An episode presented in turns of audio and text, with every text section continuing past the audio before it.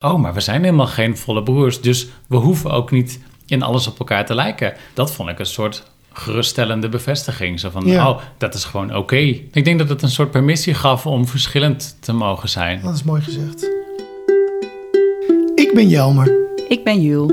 Sinds kort weten we dat we halfzus en broer zijn. We zijn donorkinderen van gynaecoloog Jan Wildschut, die in de jaren 80 en 90 zijn eigen zaad gebruikte bij vruchtbaarheidsbehandelingen. We hebben inmiddels meer dan 50 halfbroers en zussen. Samen stappen we in de auto, op de fiets of in de trein en gaan we op bezoek bij leden van onze nieuwe familie. Sommige kennen we al een beetje, andere zien we voor het eerst in ons leven. Aan hun keukentafels gaan we met hen in gesprek. Wat heeft donorkind zijn voor invloed gehad op je kindertijd? Hoe doe je dat? Opeens deel uitmaken van zo'n enorme groep halfbroers en zussen. Wat betekent het als de maatschappij jouw ontstaan afdoet als een schandaal? En was het dat eigenlijk wel? Dit is DNA-zaten. Ik had niet gedacht dat ik dit ooit in mijn leven nog eens zou zeggen. Maar ik zit hier aan tafel met mijn broer en mijn zus. En dat is natuurlijk heel gek. Want eh, eh, dat, eh, nou, hoe, Jul, hoe zit dat? Hoe, hoe zit dat? Nou, jij en Ime zijn broers vanaf dat jullie zijn, samen zijn opgegroeid. Ja, En eh, ja, ik ben twee jaar geleden pas jouw leven inkomen wandelen. en waar Ime, die hier tegenover ons zit, waar Ime en ik gewoon broers zijn ons hele leven. Ook al is dat uiteindelijk blijkt dat biologisch hal- halfbroers te zijn, noemen we elkaar gewoon broer. Ja. En ben jij, Joe, de afgelopen jaren voor mij, terwijl je biologisch een halfzus bent, steeds meer gaan voelen als een zus. En zo zit ik hier met een broer en zus aan tafel. Nou, wat een rijkdom. Ja, heel erg. Ja, nee, super bijzonder. Want Ime, welkom in de podcast. We gaan vandaag met jou in gesprek. Mhm. Niet een van onze halfbroers en zussen, Nee. maar het is wel een halfbroer van jou, Jelmer. Als primeur. Omdat we eigenlijk ook wel heel benieuwd zijn naar verhalen van anderen. En jij bekijkt dit verhaal van de zijlijn. ehm, en zelf heb je weer daar heel eigen andere ontwikkelingen in. Dus dat, eh, daar willen we het graag met je over hebben.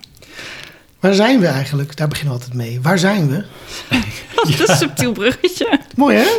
Ja. Eh, we zijn in, eh, in mijn woonkamer. En waar is dat? En dat is in Utrecht, in het centrum. Hartje Utrecht. Hartje Utrecht. Hartje Utrecht, gezellig. Ja, Aan de, de, de eettafel. In een huis dat jullie de afgelopen jaren totaal overhoop hebben gehaald. Mhm. Helemaal opgeknapt, opgebouwd. ja. Ik heb vaak met, met schuur, schuur, schuurmachines en eh, ko- koevoeten hier rond eh gelopen. ja, dat was heel fijn. Ja, ja Ime, eh, ik ken jou vrij goed. Eh, onze luisteraars misschien nog niet. Eh, Dat weet ik wel zeker van niet. nee. Wat, wat, ja, wat moeten ze over jou weten? Ja, iets van in het dagelijks leven of zo? Ja, precies. Bijvoorbeeld? Als je bij. Lingo zou zijn en dan Oh zou je ja, zeggen, nou, ik ben. Ina. Ik ben, Ja, eh, hallo, ja. ik ben zus en zo oud. Ja. Dat is helemaal niet relevant, dus dat gaan we helemaal niet Nee, zeggen. nee, nee, nee. En ehm, ik werk in de culturele sector als productieleider. Ehm, ik werk onder andere voor What You See Festival, wat ik zelf met eh, hele toffe mensen heb opgericht. En ook voor andere festivals of artiesten, theaters, dat soort dingen. En wat is wat je ziet festival voor soort festival? What You See Festival is een internationaal kunstenfestival over gender en identiteit. En wij proberen zoveel mogelijk toffe, eh, verschillende dingen te laten zien. Altijd vanuit de kunst, eh, om daarmee nou, nou, je een beetje aan het denken te zetten. eh, en een beetje beelden te kantelen, eh, te bevragen in die richting. Leuk. Mooi. Creatief, dus cultureel. Ja, Ja, en gewoon heel veel regelen en organiseren. Dat is productie. Echt Ah, wel eh, ja. zorgen dat alles staat en dat het Ja. in orde komt. nou, je was ook van onschatbare waarde bij onze boekpresentatie in november. Ja, Iemand was helemaal in de productiemodus. was ook een van mijn leukste klusjes. ja, dat was heel fijn. Ergens is dat, eh, om het een beetje te schetsen, jij was die dag een soort van rustpunt. Eh, wij liepen als een soort van paniek. Nou goed, ik liep als een eh paniekerige vogel rond. En jij zei af en toe, jammer, daar zitten. Jammer, hierheen. En dat was heel fijn. Is dat ergens symbolisch voor hoe wij sowieso ons hele, hele leven een beetje met elkaar eh, omgaan? Nou, wat ik denk dat daar wel heel erg herkenbaar in is. eh, daar ben ik niet beslist trots op, denk ik. Maar ik denk dat, dat ik vroeger sowieso altijd heel bazig was op jou. Op, over jou, zeg maar. Hmm. Ten koste van jou, hoe, hoe je het wil je het maar zeggen. Hmm. En dat ik wel denk dat dat op deze dag gelukkig eh, leuk was en een functie Ja. had. Ja. Nou, M- Nou, misschien was dat vroeger iets anders. Nou, ja, maar anderzijds ja, was ook gewoon... eh, eh, ik weet nog dat, ik, dat we ooit in de auto op vakantie zaten... en dat ik me verslikte in een kauwgombal, volgens mij. En dat ik dacht, ik ga dood, het is gedaan. En het enige wat, wat iemand doet is één keer op mijn rug slaan. En dat ding schiet eruit. En dat was wel, die ene klap op mijn rug was wel een soort van symbolisch van... Oké, nou, Helmer. jammer. Ja, Je hebt dat beter onthouden dan ik, denk ik. dit gaan we vaker horen misschien. Ja. Nou, dat is misschien ook, dat- ja, ik zie het ook wel een beetje voor me, omdat ik zie van een afstandje. Maar Jelmer, jij hebt het al wel eens vaker gezegd dat mensen wel eens tegen ja, jullie zeiden van, ah, zijn jullie broers? Dat kan niet. Hmm. Ja. En eh, de, de verschillen zijn inderdaad ook echt enorm. Ja. Iemand meer donker haar en lang, een beetje hoekig gezicht, dun. Ja, maar gewoon blond haar, veel ronder gezicht Ja. en een stuk korter. Maar ehm, het is misschien wel een mooi bruggetje, want eh, we hebben net heel vaak in ons leven te horen gekregen. Nou, jullie broers, dat had ik nooit gedacht. Wat grappig. Hmm. Ja. En wij al al die jaren maar zeggen, ja, ja, nou ja, toch is het zo. Ja, Ehm, totdat we, eh, ik, ik was 25, jij 27, denk ik. Mhm. Eh, toen kregen wij, wij iets te horen.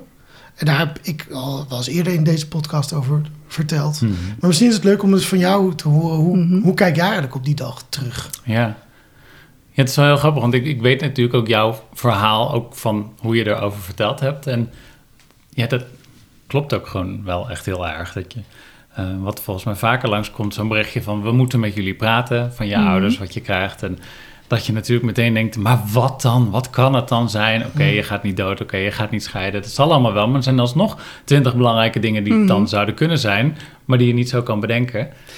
Ja, berichtje gekregen daarheen. En, en dat je daar dan zit en dat te horen krijgt. Ik denk ook dat ik zoiets dacht van... hoe- Ja, hoe dan, weet je? Dit, hoe, dit, dit, dit verzin je toch niet? Nee. Dat dit nou serieus, dat dit is wat je ons vertelt? Ja, want voor, voor, de, voor de volledigheid, pap, pap en mam vertelden ons dus dat, eh, eh, dat wij van een anonieme donor afstamden. Ja, nou, het was wel heel erg getrapt. Kijk, in in principe zit je daar en dan... En volgens mij was het in eerste instantie... We konden geen kinderen krijgen. Nou, dat op zich dan wel een boodschap, maar... Weet, wat, dat was het punt waarop ik dacht, de buurman? dat dacht ik echt even op dat moment. ja.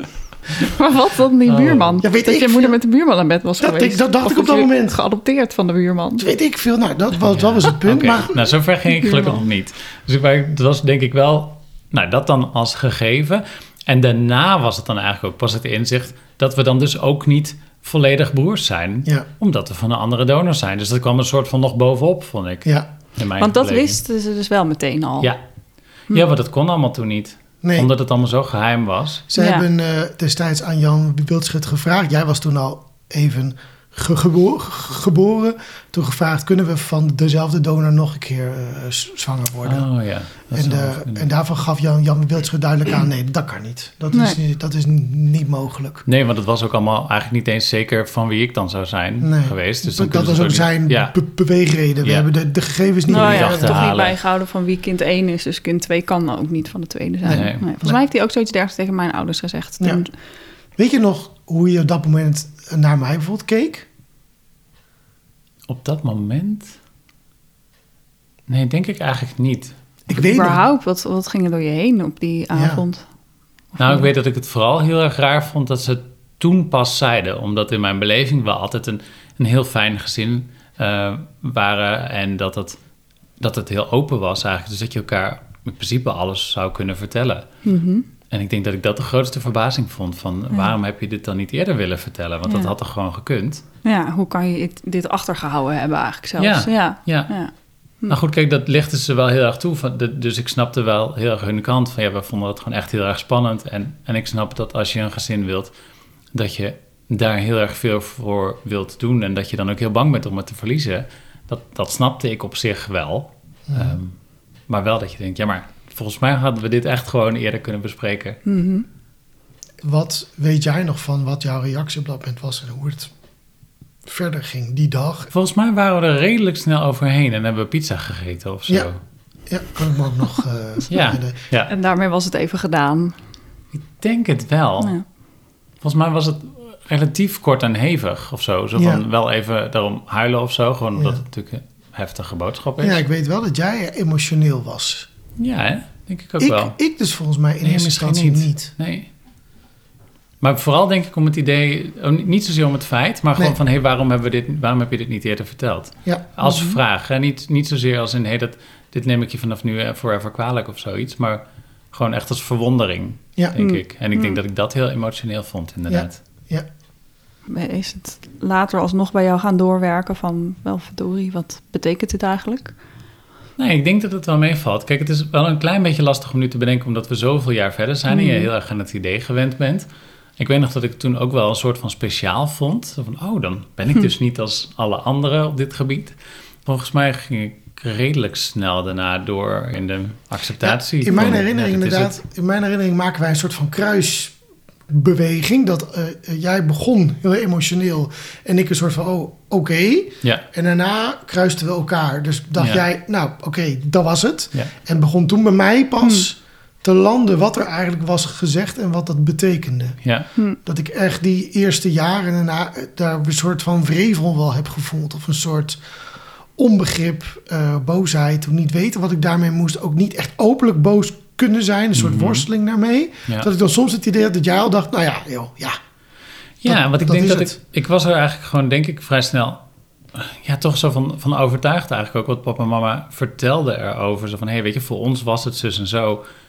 En dat ik dan toch denk, ja, weet je, je, je kan er van alles van vinden in, in deze tijd... en of we het daarmee eens zijn of niet. Maar ik snap het hoe jullie het vertellen... en dat dat o- op dat moment zus en zo was... en dat dit en dit je overtuiging was... En daar kan ik me wel in vinden, zeg maar. Ja. Zo van, ik, ik begrijp het vanuit jullie kant dat het zo is. Ja, en dan had je het misschien wel gewild dat het anders was geweest of wat dan ook. Als je naar jezelf als kind kijkt, Mhm. had je dit inderdaad misschien eerder willen weten? Had het voor jou iets kunnen betekenen? Niet om je iets aan te willen praten, Mhm. maar eh, je bent best wel volgens mij zoekende wel geweest in wie, wie, wie ben ik nou eigenlijk? Mhm. Ik kan me toch ergens ook wel indenken dat dat, dat, dat eh, weten, hé, hey, maar ik stam van iemand anders af dan, eh, en dit, dit, dus dit gezin waar ik deel van uitmaak. Ik kan me ook voorstellen dat het soms gewoon Ja. schuurt en dat is oké, Mhm. want ik weet waar dat misschien door kan komen. ja. Nou ja, dat raakt eigenlijk aan dat, dat volgens mij kwam de vraag dus net langs van... hey, kijk je, kijken wij anders naar elkaar, Ja. Maar dat was op dat moment niet zo, maar daarna wel. Omdat het voor mij heel erg duidelijk was dat ik dacht... oh, maar we zijn helemaal geen volle broers, dus we hoeven ook niet in alles op elkaar te lijken. Dat vond ik een soort geruststellende bevestiging. Zo van, Ja. oh, dat is gewoon oké.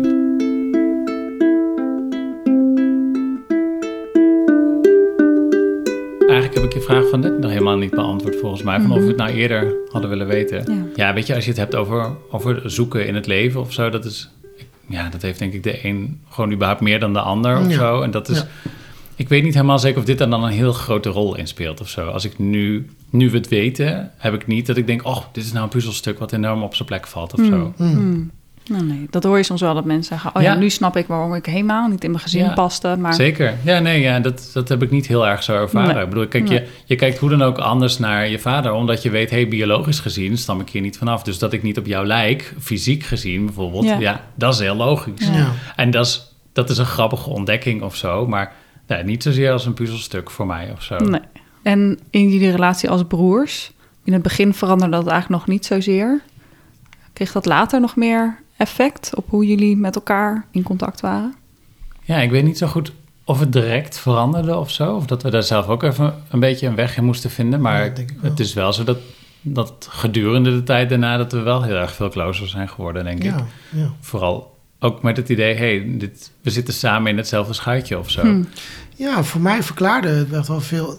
Hè, Je, je refereerde er al een beetje aan in het begin van ons gesprek. Wij hebben best wel strubbelingen in onze kindertijd en onze tienertijd ook wel een beetje gehad. We dachten soms ook op heel verschillende niveaus en, en, en konden het niet altijd supergoed met elkaar eh, vinden. Mhm.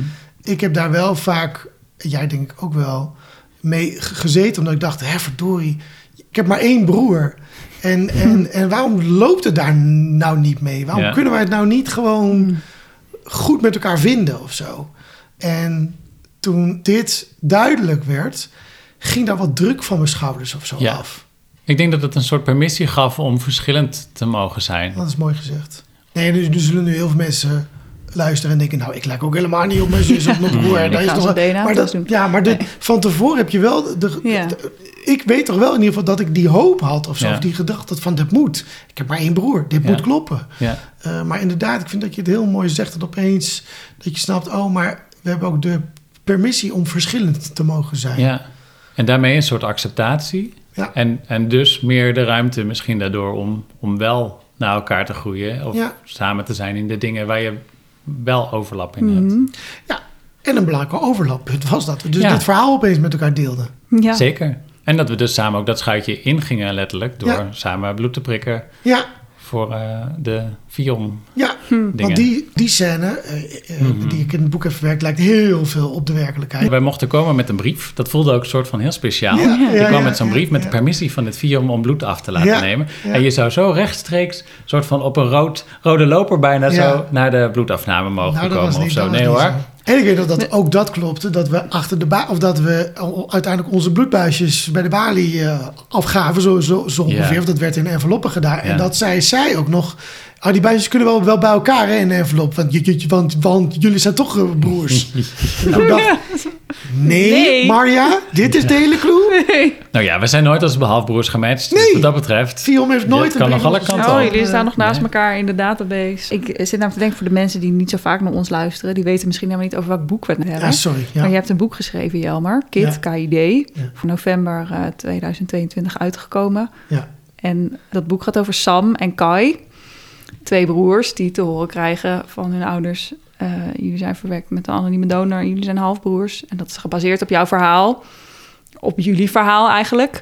Ehm, waarin, mag ik dat zo zeggen, jij Jelmer Sam bent en eh, Ime is Kai. Een, Maar een aantal dingen zijn dus zeker op waarheid gebaseerd, komen we nu achter.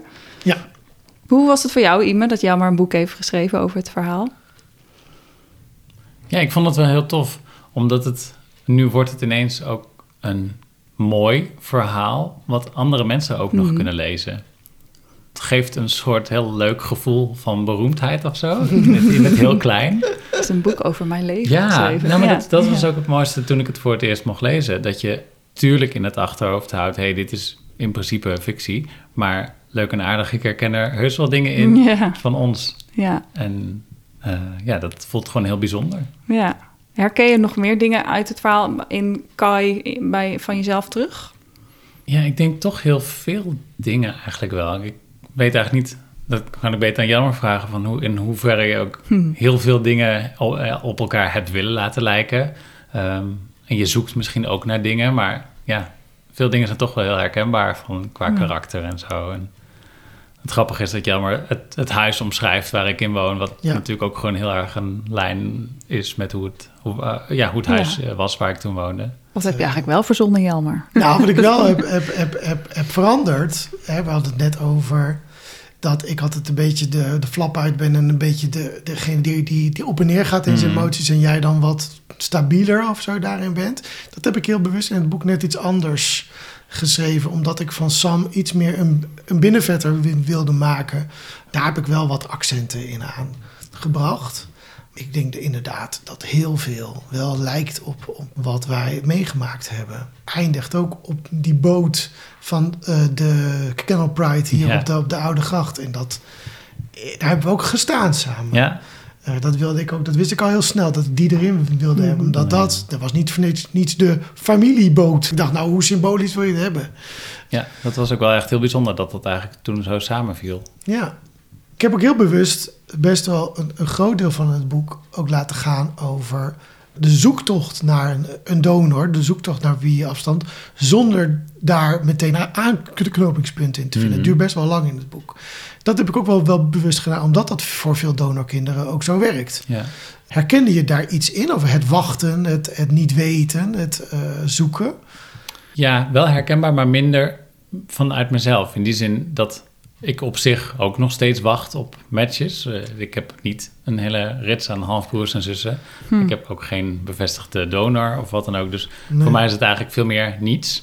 Ehm, maar er, er zit niet zo'n heel erg eh, verlangend wachten in of zo. Dus Nee. Dus iets meer een, een gegeven, zeg maar. Want wanneer kwam bij jou eh, wel de wens om toch je DNA op te sturen naar DNA-banken. Nou, dat is Maar jammer schuld. omslag daarin- Dan komen we er Jelmer. Ik, ja, ik denk dat ik dacht, voor de, ja, voor de research van het, van het boek dat ik op dat Mhm. moment wilde schrijven. en Ik wilde een Mhm. boek schrijven over iemand die dus op zoek was naar een donor, maar niks kon vinden. En ik dacht, dan moet je in ieder geval even voor de, Ja. voor de volledigheid hebben ingeschreven. Ja, dat bij en ook een aantal co- commerciële DNA-databanken. Ja, maar sowieso vanaf het begin af aan was het eigenlijk doordat jij dat wilde. Ja. En ik was het heel erg mee eens, omdat, we, omdat ik vond, hé, hey, dat gaan we dus samen doen. Ja. Maar ik geloof dat jij zei, hey, zullen we dan dit aangaan bij het Vion? Deed je het dan meer eigenlijk om Hier vanuit mij? een soort solidariteit Ja. eh, met Jelmer mee. Ja, maar wel echt er overtuigd van zijn. Ik denk dat ik, volgens mij was mijn houding in het begin, ik hoefde er eigenlijk verder niet zoveel van te weten, want, want waarom zou ik? Weet je, ik bedoel, dit zijn mijn vader en moeder. Eh, Ja. daar verandert niks aan. Dus wat heb ik eraan om een, om een donor te vinden of zo? Dat was echt helemaal het begin. Hè? Ik bedoel, nu Mhm. denk ik daar anders over. De aanmoediging kwam denk ik van jou. En daardoor was ik het er uiteraard helemaal mee eens. Van, oh ja, oké, dit is wel mogelijk interessant. Of in elk geval moeten we dit doen of zo, weet je wel. Mhm. En dan ook wel met het idee, denk ik, er komt toch vast niks uit. Hm, Maar dan heb je het in elk geval gedaan. ja, Dus jullie hebben je bij, bij Vium ingeschreven en daar kwam niks uit. En toen later Nee. dus alsnog bij Ja. eh, commerciële Maar ik denk dat ik daar ook heel snel in, van overtuigd was, volgens mij. Dat, dat jij zei, hey, dit kan ook en dit levert veel meer resultaat Ja. op waarschijnlijk. Ja. En dat idee Mhm. vond ik ook wel tof. Ja. Omdat ik het ook wel jammer vond dat er helemaal niks is of zo, weet je. Het is zo'n soort gapende leegte, zo'n Ja. woestijn... en er komt nooit eens iemand langs qua, qua match of zo. Nee. En hoe is dat voor jou toch geweest? Na, na een paar weken kreeg ik de uitslag van Family Tree DNA. En ik bleek aan drie half zussen te zijn gematcht. Maar waar we het nooit hebben over hebben gehad, is dat dus tegelijkertijd met mij, mijn broer dus ook zich inschreef. Maar wat kreeg jij? Ik kreeg jou. Je kreeg mij, Ja. dat is waar. Ja, Dat was denk ik de officiële bevestiging dat wij wel halfbroers zijn. Zijn. Ja. ja, dat was het. ja hè? Ja. Nou, dan was de volgende een, een, een, eh, achter, achter, achterneef of zoiets. Ja. Dat was, ja, dat, dat is gewoon niks. Oh, dat is ongeveer net zoveel gerelateerd als aan de buurman bijna. Die, toch weer die Toch buurman. weer buurman. Ja. Was dat een, te- een teleurstelling voor je? Ik denk wel dat er meer hoop was. Omdat Ja. het, dit is toch zo'n grote database, daar moet toch wel een keer een match uit voortkomen. Mhm. Ook met het idee, ja, er, er zijn toch vast meer kinderen gemaakt van dezelfde donor. Ja. Dus ja. Maar ik weet niet of ik het dan heel erg verschrikkelijk teleurstellend vond. Nee, Maar je kan daar ook gewoon echt heel erg niks aan doen. nee. Weet je dat idee? Daar misschien ook wel een beetje ingebouwd van. Ik moet er misschien maar niet te veel op hopen of er Ja, te veel van misschien wel. verwachten. Ja. Hoe kijk je dan naar het tegenovergestelde? Dat je al maar eh, om de haverklap weer een nieuwe halfbroer of halfzus erbij krijgt? ja, ik denk dat dat in het begin sowieso een beetje onwerkelijk is. En nu ben je dat misschien een beetje voorbij. In de zin van, jij, het is een gegeven en je weet dat het, dat het zo is. Maar wel onvoorstelbaar hoeveel. Ja. Nog los van hoeveel en dat het zo'n bizarre groep is bizar, qua, qua aantal. Maar ik, heb, ik voel me regelmatig Mhm. schuldig naar jou toe. Hm. Eh, terwijl ik er niks aan kan doen, maar Nee. schuldig dat, dat ik maar weer de zoveelste halfbroer en zus erbij krijg. Dat ik heel veel over mijn donor weet Mhm. in die zin. En dat jij eh, nul informatie eh, hebt en geen aanknopingspunten. Mhm. Dat vind ik wel af en toe heel onrechtvaardig. Maar jij hoeft je niet schuldig te voelen voor dingen waar je zelf niks aan kan doen. Zeg maar, ik heb er niks aan dat jij je daar schuldig over voelt. Ja. Want daar, daar word jij niet gelukkiger van en ik heb er niks aan. Ja, maar je had jezelf denk ik ook wel iets anders gegund dan dit, toch? Nou ja, de- kijk, dat, maar dat is een heel andere vraag. Dat is niet Ja. iets waar jij iets aan kan doen. Maar, maar ja, dat is wel waar. Ik zou het wel heel erg leuk vinden om, om een halfbroer of zus te hebben. Of een, een paar. Niet, niet heel veel, hè, maar gewoon... Nee, geen 60, maar gewoon ik, vijf. Dat heeft niet zo. direct de voorkeur. Nee. Eh, gewoon een paar zou ik al heel leuk vinden. Omdat je dan iets meer kan spiegelen... Hé, hey, hoe zijn die mensen dan? Oh, die hebben een beetje dezelfde karaktertrekjes op die en die manier. Oh, dus dat is eigenlijk heel logisch dat ik ook zo Ja, ben. precies. kan ik helemaal niks aan doen. Weet Ja. je wel zo. Ja, Ja, ja. Dat is gewoon op een leuke manier dat je ja, Ja. iets meer kan spiegelen eigenlijk. Ja. En, want je bent dus van midden jaren 80 uit eh, het Sophia ziekenhuis in Zwolle. Mhm. Mochten de mensen luisteren die denken, hey, Het wordt een soort van datingshow. ja, wie weet. Stuur je DNA op naar welke Ja. databanken sta je in? Ja, nou weet je, dat is dan wel, als we, als we daar toch zijn, dat zou eigenlijk wel een oproep zijn. Want als je het weet, je weet niet nu wat het je misschien wel kan brengen. Mhm. Ja. Want dat hoor ik ook van jullie, dat het toch ja, dat je hele toffe mensen kan ontmoeten. En je kan ook met elk goed recht zeggen... hé hey joh, weet je, heb ik helemaal geen zin in. Ja, dat laatste is denk ik heel belangrijk. Want Ja. ik denk dat bij mensen best wel soms de angst leeft. Ja, dan ga ik me bij zo'n zo'n database inschrijven. Dan heb ik opeens blijkbaar dan twee half, zussen en een half Ja. broers hebben. Die willen allemaal dingen van Nee, me. ja, maar wat en dat laatste is natuurlijk Nee. heel vaak onzin. Precies, want iedereen heeft toch ook Zijn gewoon zijn eigen eigen leven. leven, Precies. Je hebt al een compleet leven. Ja, ja, En er komt alleen iets bij. En ja, dus het biedt je een mogelijkheid om iets meer te krijgen als je dat wilt. En nou, volgens mij geen enkele verplichting verder. Nee. En waarschijnlijk is het gewoon heel leuk, want je bent familie. Dus je, gaat, je lijkt op elkaar. Ja, ja, en, en mensen, iemand is natuurlijk gewoon een hartstikke leuk mens. Dus die wil je wel in je, je Stuur allemaal je DNA hebben. op voor IME. Nou ja, maar ik zit te denken, zouden er... Want eh wildschut is natuurlijk heel veel nieuws geweest. Dus daar hebben veel mensen hun DNA opgestuurd. Maar misschien wel naar het FIOM. En dan zijn ze niet gematcht aan wildschut. Maar die staan, misschien zitten daar wel halfbroers en zussen bij. En die zitten gewoon naast jou in die FIOM-bank. Want FIOM matcht halfbroers en zussen niet. Maar als zij naar een commerciële DNA-bank een DNA opsturen... dan zou het misschien wel familie van jou kunnen zijn. Ja, als dat andere matches teweeg Ja. brengt, ja. Ja. Volgens mij als je een Ancestry-test doet... die zijn af en toe in de aanbieding voor 40 euro, denk ik.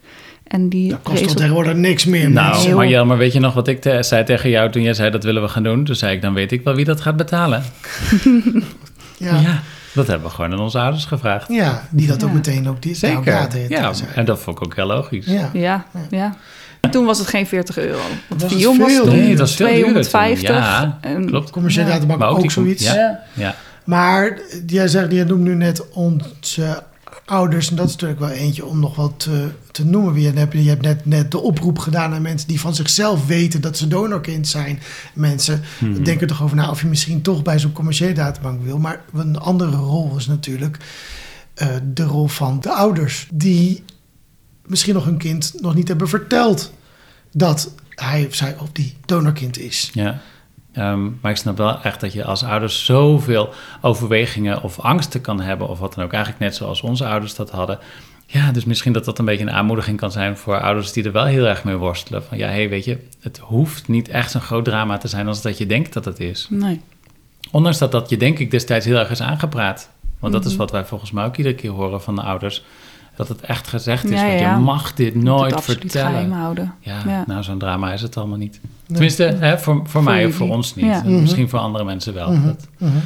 Ja. Maar openheid is daarin volgens mij altijd de beste keuze. denk ik wel. Ook als het pijn doet. Nou ja, en trek hem dan Ja. nog door. Want stel dat je het niet vertelt, hè, van, om alle redenen die voor jou goed zijn. Maar je kind komt er ooit achter op het Mhm. moment dat jij er niet meer bent. Ja. Wat, wat dan? Ja. Dat lijkt me, als ik zou moeten bedenken wat ik, hoe ik dat voor mijn kind zou vinden. Als je er niks meer over kan vertellen, als er geen vragen gesteld kunnen worden. Ja. Lijkt me toch veel erger dan dat je dat nu doorheen moet. ja. Maar ja, hè, Ja, again, dat is zoals ik er Ja. naar kijk. Nou ja, als ervaringsdeskundige. Dus daar kunnen mensen mooi hun voordeel mee doen. Ja.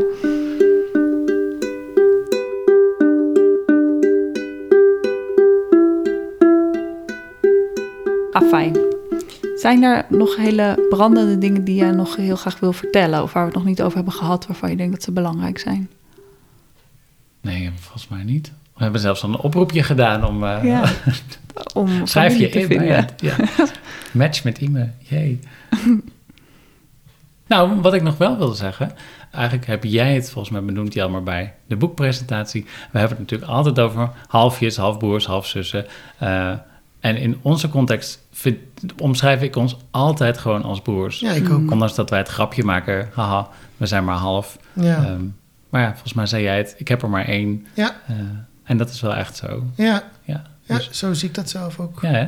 Nou, zeker. En, en misschien is het ook wel goed om die nuance te plaatsen. Omdat natuurlijk dit gesprek begon met... ik zit hier aan tafel met een broer en een zus. Mhm. Maar het is wel... eh, ik denk dat dat gewoon die plek van zus nog vakant was, Jules. Dus dat is... eh, Er was nou helemaal niemand anders. ja, maar ik, ik weet gewoon wel Ja. dat... omdat wij ons hele leven met elkaar doorbrengen... Ja, omdat wij gewoon die band Ja, met joh. elkaar hebben... dat is niet... Dat is niet nog door iemand anders in te halen. Nee, en dat zou ik ook niet goed willen. gezegd. Ja, Ik herken dat overigens wel, dat ik dat ook met mijn broertje heb. Dat ik, dit klinkt een beetje dom, ik heb een universitaire studie gedaan, maar dat ik me gewoon pas een paar jaar geleden realiseerde. Oh, maar dan is Geert en ik ook helemaal geen. Oh, dan is Geert ook mijn halfbroer? Hè? En dat voelde zo raar, omdat het inderdaad helemaal Ja, niet voelt als een halfbroer. Want hij is er gewoon altijd Nee. al geweest. En Je, mm, je bent met hem groot geworden. Ja. Dus dat, dat Maar dat is dus misschien ook maar goed nog niet uit. dat je die realisatie dus Ja. eigenlijk eh, pas heel laat Nee, precies. op Dat het helemaal niet, hebt. niet Nee, klopt bij de relatie die Net je zoals hebt. dat mijn vader mijn vader is, is Jelmer mijn broer. Ja, Dat is gewoon Ja. hoe het van begin af aan is geweest en altijd zo zal zijn. ja, Mooi. DNA of niet. Enfin, Ja, Dan kunnen we misschien nu door naar de DNA-vragen. De vaste rubriek in onze podcast waar we op zoek gaan naar overeenkomsten en verschillen tussen onze halfbroers en zussen. Nou ben jij geen halfbroer en zus van onze groep, maar wel van Jelmer, Mhm. Ime. ja. Mhm. Eh, dus het leek mij leuk dat we de DNA-vraag gaan doen en dat jullie allebei antwoord geven op de vragen. goed. Eh, ja, zullen we dat, dat, oh, dat doen, staat Ime? al op tafel. Ja, De, de bingo-molen staat eh, tussen ons in. Ime, take it away. take it away. Ja, draaien? draai aan het rad. Oh, er zit een al in in. Nummer 39. 39. Wat is je huidige hobby? Wat? Hoezo? Het is toch een goede vraag, of niet? Ja, maar hobby's. Ik vind hobby's altijd zo moeilijk. Dan Het wordt wat- echt lingo. ja, Mijn hobby's. zijn- mijn hobby's zijn... Ja, maar wat is nou een hobby? Weet je, ik, ja, ik krijg meteen altijd zo'n... Dat je dan moet zeggen, ja, ik hou van punniken. eh, en, eh, Bijvoorbeeld. ja, of ik uh, macramé altijd heel graag. Nou, ik, mag, mag. ik kan wel. Zal ik? Ja, doe jij nee, dan nou, maar. nee, niet maar namens mezelf, maar namens jou. Oh. Oh, Oh. ja, mijn hobby's zijn. Nou. Dat is ook leuk. Ja, is goed, doe maar. Nou, het is misschien wel leuk dat we elkaars eh, Ja. vraag beantwoorden. Oh, leuk. Oh, Nou, ja. Immers hobby's zie je hier volgens mij... Heel veel dingen zie je om, om je heen. De Reiner en jij hebben enorm veel planten bijvoorbeeld. Mhm. Het hele huis staat helemaal bomvol. Ja. En jullie, nou, ik laat alle planten dood, dood, doodgaan in mijn leven. Op een manier krijgen jullie het voor elkaar om echt prachtige oasen hier te hebben. Dat vind ik al heel bijzonder. Eh, er lopen hier twee katten rond. Dat is ook een, eigenlijk een soort van eh, ho- hobby. Dat is ook wel een beetje waar, ja. Jullie hebben dit hele huis ongeveer vanaf de grond af aan herbouwd en opnieuw opgebouwd. Je mag toch klussen Ja. ook wel een zekere hobby noemen? Ja, ik denk wel dat de, de side note is wel hierbij dat natuurlijk het verbouwen van je huis ook echt wel een noodzaak is. Zodat dat daarvoor gewoon niet. Ja, maar je had ook, een, ander, leuk. Je had ook een ander huis kunnen kopen. Ja, nee, dat is waar. Het- En we, we vinden het allebei ook heel erg leuk om te Precies. doen, inderdaad. Dus dat is wel waar. Ja, Jij bent mega handig. Jij bent, eh, dat hebben wij bijvoorbeeld ook helemaal niet met elkaar eh, waar, ja. gemeen. Je had vroeger als kind ook al allemaal eh, van die doe, doe-dozen, Ja. technisch Lego. Daar begreep ik geen reet van, technisch Lego. Daar was iemand Nee. helemaal van. dat is wel waar, ja. nou, nou. Nederland, weet u het ook een keer. Nou, zo is het. Komen er nog andere hobby's in je op nu je dit zo hoort? Ja, ik sport ook wel, maar vind ik dat nou een hobby? Nou, Nee, je krijgt er niet voor betaald, dus het is Nee. geen werk. nee, het is geen werk. Nee, nee. maar wat zijn dan jouw hobby's, Jelmer? Ja. Lezen, Ja, nou, die kon ik ook bedenken. gamen. Oh ja, Nou ja, en verder... Dat weet ik niet of ik al heb. Ik hobby's? Lezen, gamen. Je knutselt nog wel eens aan een ook campertje. beestjes. Wat? Ja, Ook huisdieren, beestjes. Ook de jullie hond en de, en poes. en de poes. Ja, dat is waar. Dus wij, ook, ook wij hebben een gezinnetje thuis. Met eh, alleen niet twee poezen, maar een hond en een poes. Dat is ook een hobby hoor. Een ingrijpende hobby. Jij zei het eh, campertje klussen, maar dat is dus een Mm. voorbeeld waarin ik de afgelopen jaren toch wel ben, gewoon Mm. ben gaan realiseren. Ik ben gewoon niet zo technisch Nee. eh, en vind het ook gewoon vaak niet zo leuk. Maar dat is ook oké, want juist met zo'n gezamenlijk klusproject ontdek je dat ook heel erg. Ja. Dat hadden Reiner en ik ook, dat je verschillende delen van het klussen, of eigenlijk dus van je huis mooier maken, dat je de Mhm. verschillende delen leuk van in. Weet je nog dat wij een gezamenlijke hobby hadden, denk ik, dat is nu niet meer heel erg relevant. Wij waren beide nogal bezig met modelsportgeintjes vroeger. Oh, meen je binnen. dat? Ja. Maar ook dat, ja, maar iemand, ook dat, jij bouwde dat. Ja. Jij bouwde dat hele, hele landschap op die plank. Die En jij reed ze van de rails. Ja, Ja. dat was de, de rolverdeling. Er Ja. is, er is nu een tv-programma, hè? heb je dat gezien? De grote kleine treinencompetitie. Ja, dat is echt waar.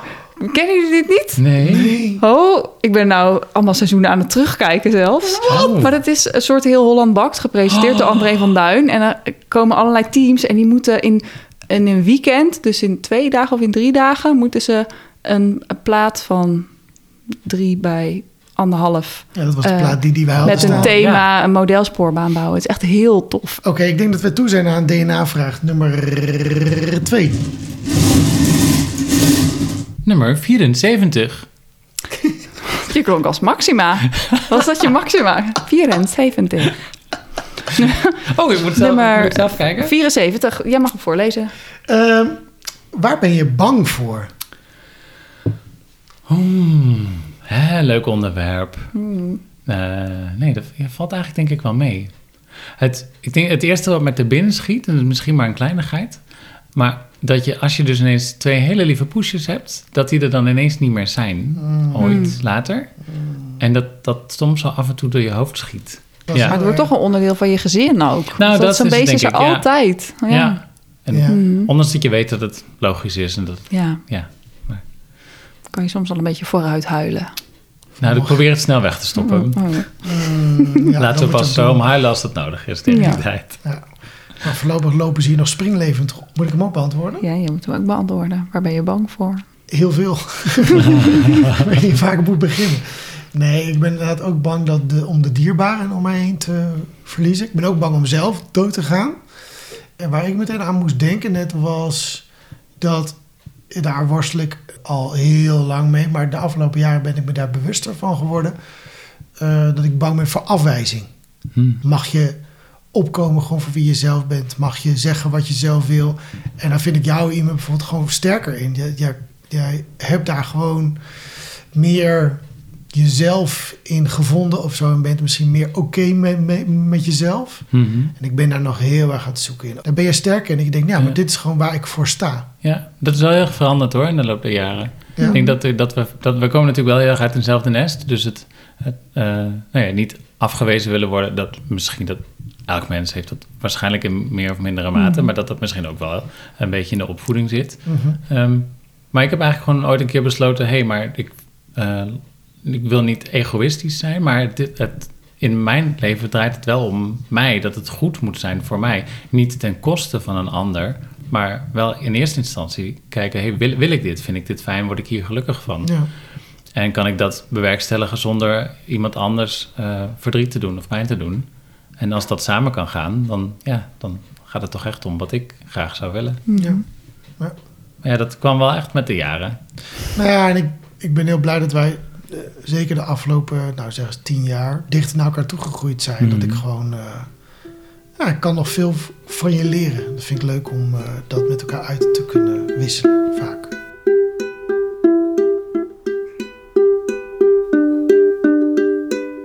Jo, hebben wij voldoende... Ja, ik vind het echt een prachtig gesprek. Ja. Ja? Ja.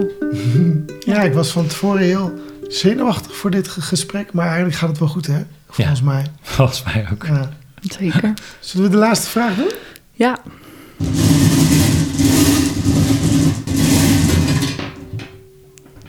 Nummer 28.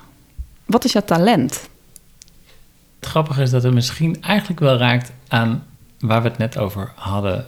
Wat ik inderdaad wel als een talent zie, is het soort van ja, eigenaarschap hebben over mijn eigen leven. Dat ik heel erg probeer dat zelf vorm te geven. Dat gaat eigenlijk ook heel erg vaak gewoon vanzelf. Maar door gewoon echt bij veel dingen na te denken: hey, hoe, hoe wil ik dit? Vind Mhm. ik dit fijn? Is dit oké? Ehm, ja, en dat je op die manier er een soort van zelf de regie over hebt of zo. Op een hele goede, positieve manier. Mhm. Heel bewust keuzes maken. Ja, en dat ik daardoor heel erg blij ben eigenlijk inmiddels wel met, met hoe mijn leven eruit ziet en wat ik aan het doen ben en met mensen om je heen. En, ja, Ja, dat je een authentiek persoon bent met Ja, een heel dat is wel eigen mooi leven. gezegd. Ja, denk ik. Ja, Ja. daar kan ik me wel in vinden. authenticiteit is jouw talent. Hm. Jammer. Wat is jouw talent? Oh, ja. Is een voor de hand liggende, is het, denk ik dat ik, dat ik kan schrijven. Maar is altijd zo, Hmm. zo makkelijk om die meteen te roepen en dan te denken, nou, hier heb je mijn... nou, je mijn kan talent. mooi... Dit is je de- sociaal wenselijke antwoord. Ja, Ah ja, Net zoals met de hobby. ja. Nou, als ik dan een talent, maar ik vind dat tegelijkertijd een valkuil van mezelf. Ik denk dat ik wel bijvoorbeeld goed ben in ehm, de, de room readen, zeg maar. Mhm. Eh, dus bijvoorbeeld tegenover een groep mensen staan of tegenover een mens staan en aanvoelen of dat oké gaat of zo, of of er iets aan de hand is. Of dat ik in... Maar ik vind dat dus ook mijn valkuil, want soms, ik merk bij mezelf dat ik dus ook heel afhankelijk kan zijn van ja. de, de dynamiek tussen mij en de groep. Of dus de, de, de, de dynamiek tussen mij en een ander mens. Mhm. Dat brandt me langzamerhand op, omdat ik zoveel bezig ben met vinden andere mensen me wel, wel oké of zo? Of, Mhm. of hoe gaat het eigenlijk? En zijn we nog wel on the same page of zo? Het is een beetje een Je ingewikkelde hebt er balans. baat bij, maar je ja, Maar je moet ook veel, veel energie insteken. ik herken wel wat je zegt. Dat je Ja? soms daardoor jezelf een beetje kwijtraakt in een situatie. En dat je dan pas later denkt, oh ja, ik was daar ook. Wat vond ik daar eigenlijk van? Dat je Ja. alleen maar bezig bent met de ander. Oké. Authenticiteit en sensitiviteit. Jeez. Wat vat dat jullie samen? Nou, dit, Wil je ook misschien nog een bonusvraag? Want dat- Het is ook een beetje zo zwaarmoedig. kost. Ja. oh ja. Dat is iets anders dan wat is je lievelingskaas? Ja. Zal ik ook dit doen? Nou, Ja, dan rommel je erbij. Nummer 43. aha! Wat is je lievelingskaas, Ime? Oeh. Ja, ik heb al heel veel kaasverhalen horen langskomen van Ja. jullie. Allemaal mensen die er helemaal gek op zijn. Ja, er werd dan gezegd, Ja. dat moet het wel de wildschutgene zijn. Ja. Dat we allemaal Mhm. Ja. houden van kaas. Nou mensen, Nou Ja. is the time to Dit prove de- it. Precies, dit is de keiharde wetenschap. ja. Ja, ik ben dus geen wildschut. En Ah. toch, Ja, ik lust wel kaas, maar om nou te zeggen dat ik er helemaal gek op ben... ja, ik heb hier een vraag Ah. over. Een Ja. eh, gewetensvraag. Oh, Wij aten vroeger thuis heel vaak eh, jonge kaas ja. op zo'n op zo'n Melba toastje. Gadver. Melba toast. Ja, ga door. Ja, om de jonge kaas. kaas? Ja? Nou, je hebt eigenlijk het antwoord gegeven, namelijk... is dat iets waar jij nog steeds van houdt? Of is jouw kaassmaak inmiddels een eigen smaak Nou, geworden? ja, deze vraag is tweeledig. Zou ik ook een houden van een Melba toastje? En die vieze, droge eh, kartonnen onderleggers, dat doet het niet. Want ik weet niet zeker of dat nu nog steeds in de supermarkt ligt, maar dat was bij de EDA voor wel. 15 cent. ik, eet eh, dat, nog- ik eet dat nog wel eens, Ime. Fooi. Ja, Maar met. Maar kaas- met een plak jonge kaas. Nee, ja, gewoon zo, zo'n Ja, plakje, zo schaven. Zo doe je van zo'n alleen maar Ja. Onze vader, ik weet nog op de pap, papa, papa Ja. had dan altijd de, De het blok- kaas. Het Ja. blok kaas Ja. liggen. En dan zat hij zo plakjes te snijden. Ja. Pap, mag ik nog een Ja, toastje? en mama ook. Ja, doe mij nog eens een toastje. Ja, dat ging Ja, hoor. de hele avond En dan, door. nou moet je er nou nog Nee, één. ja, precies, je hebt er nu genoeg gehad. Ja, ja, dat Ja. ging altijd. Moest je altijd een nee, nog eentje. Ja. En dat, dat ging zo de hele Ja. avond door. En als de toastjes op waren, kreeg je er best gewoon een plakje zonder toastje.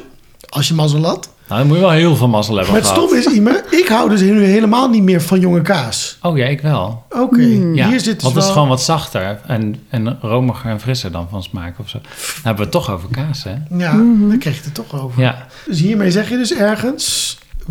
Maar is jonge kaas dus ook jouw lievelingskaas? Want dat was de vraag. Wat is je lievelingskaas? Als we het dan in de categorie eh, g- goudse gele kaas dan hebben, dan is dat inderdaad eh, je jonge kaas. Jeetje, nee, dat is echt... Nou, Oeh. Ik heb daar niks mee. Jij? Ehm, ik heb sowieso niet zo veel met plakjes kaas eigenlijk.